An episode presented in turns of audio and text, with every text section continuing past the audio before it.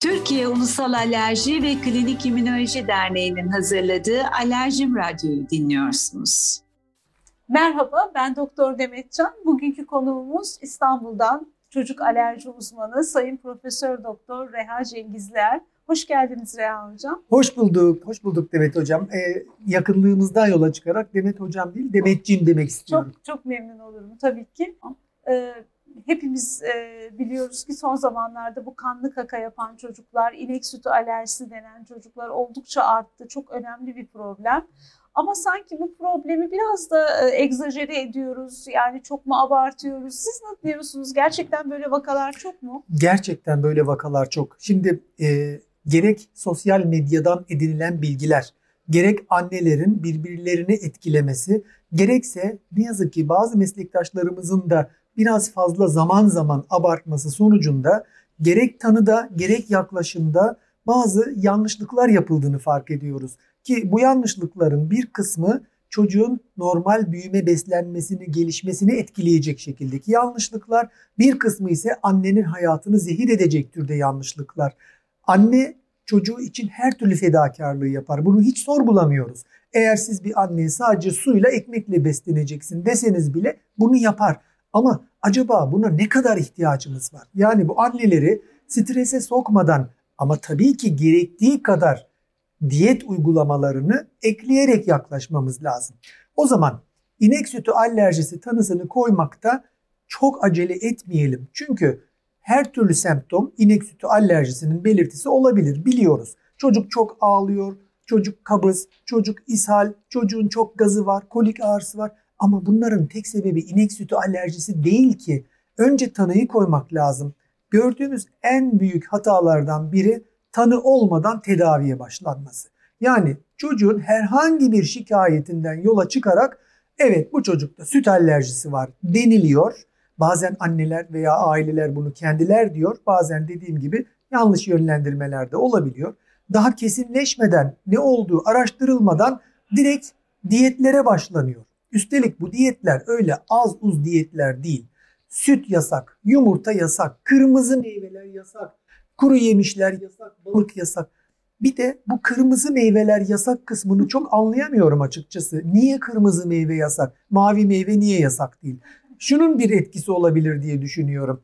Ee, hani küçük çocuklara 1 yaşında 2 yaşında sindirim enzimleri çok iyi gelişmemiş. Karpuz yedirirsiniz, domates yedirirsiniz bir kısmı sindirilmeden kakadan çıkabilir. Onun rengi kırmızı eyvah bu bir kanama diye paniğe kapılmış olabilirler. Bir tek bu var benim aklıma gelen başka hiçbir açıklama yok. Dolayısıyla hani yasaklamaları başlamadan önce başka ihtimalleri düşünelim. Peki başka ihtimalleri de düşündük ama biz hala şiddetli inek sütü alerjisi düşünüyoruz. O zaman ne yapalım? Bir kere tanıyı kesinleştirmek adına bir uzman desteği almak, bir mümkünse alerji uzmanı desteği almak, değilse de mutlaka çocuk hekiminizle bu konuyu ayrıntılı konuşarak, gerekiyorsa bazı tetkikleri yaparak tanıya ulaşmak önemli. İnek sütü alerjisinin teşhis koyulması aşamasında tetkiklerle tespit edilebilen bir türü vardır.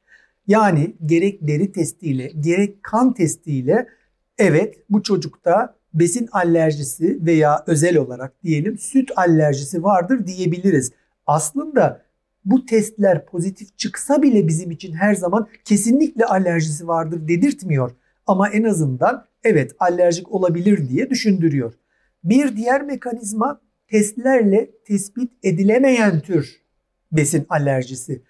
Konumuz küçük bebek olduğuna göre belki biraz daha süt alerjisi örneğinden gidersek daha anlaşılır olabilir. İşte o zaman ne yapacağız? Testlerle tespit edilemiyor. Çocuğumun şikayetleri var. Şimdi bu süt alerjisi mi değil mi?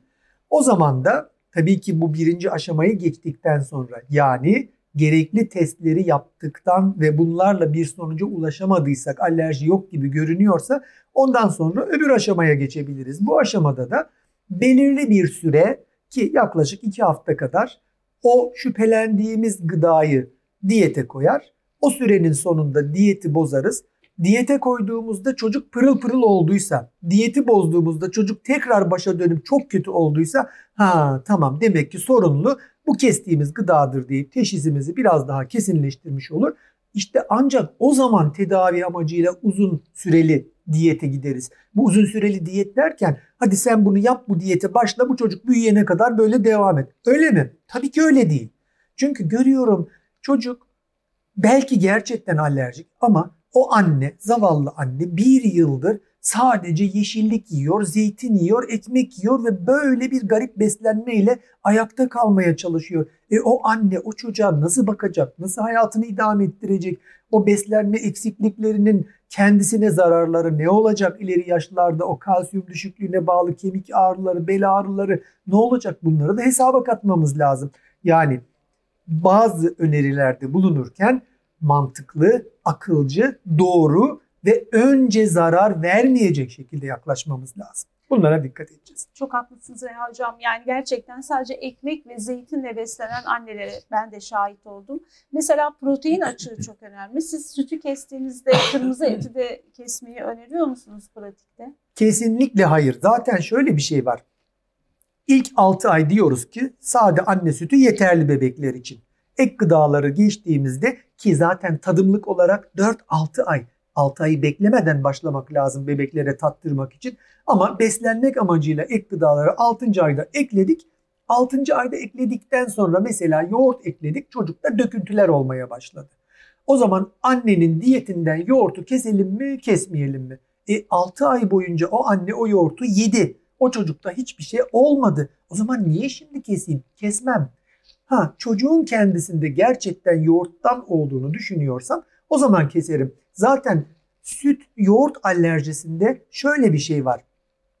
Gerçekten süt alerjisi olan bir bebekte bile veya çocukta sütün işlenmiş veya işlem görmüş özellikle fırında 180-200 derecelik bir ısıda pişirilmiş hali yani kekin içinde, pastanın içinde, böreğin içinde, kurabiyenin içinde 180-200 derece fırınlanmış deyince sütü bardağa koyup fırının içine koyun anlamına gelmiyor tabii ki hem o kekin içerisine koyulduğu için eşlik eden un, şeker vesaire hem de o 180 derece ısıtılarak sütün alerjik özelliği azaldığı için bu tür beslenmede bunu tolere edebilir. Bunu tolere ediyorsa gayet güzel o süt proteininden faydalanacak demektir. Bir ileri aşamada fermente ürünler var. Nedir fermente ürünler? Bizim kültürümüzde çok güzel yeri olan yoğurt veya peynir. İşte bunlarda da bazen fermentasyon sırasındaki alerjik özelliği azaldığı için çocuk bunları da tolere edebilir. E o zaman bir çocuk yoğurt yiyebiliyorsa, peynir yiyebiliyorsa alerjik reaksiyon göstermeden süt varsın içmeyi versin. Onun bir eksikliği olmaz. Ha bizim için burada en önemli olan süt alerjisinde ailelerin de merak ettiği bizim de emniyet sınırında almamız gereken konu kazara alımlar. Özellikle okul çocuklarında Hani o kadar ağır süt alerjisi var ki kazara yanlışlıkla arkadaşının yemeğinden bir kaşık aldı içindeki sütten dolayı çocuk hastanelik olur mu? İşte bu durumları belirlemek için de biz kazara alımların etkisi olur mu olmaz mı diye direkt sütü verebilmeyi deniyoruz. Ne kadarını verebileceğimizi deniyoruz ki buna tolerans testi denilen bir yaklaşımla ve mutlaka doktor tarafından mutlaka acil müdahale imkanı olan ortamlarda yapılması gerekiyor. Yoksa anneye hadi al sen şu yarım bardak sütü bir evde içir bakayım çocuğa ne olacak gözleyelim gibi emniyet oranı düşük olan yaklaşımları asla önermiyoruz. Süt alerjisini takip ederken en çok yapılan hataların üzerinde durdunuz. Çok değerli bilgiler verdiniz Reha Hocam. Çok teşekkür ederiz. Ben teşekkür ederim Demetciğim.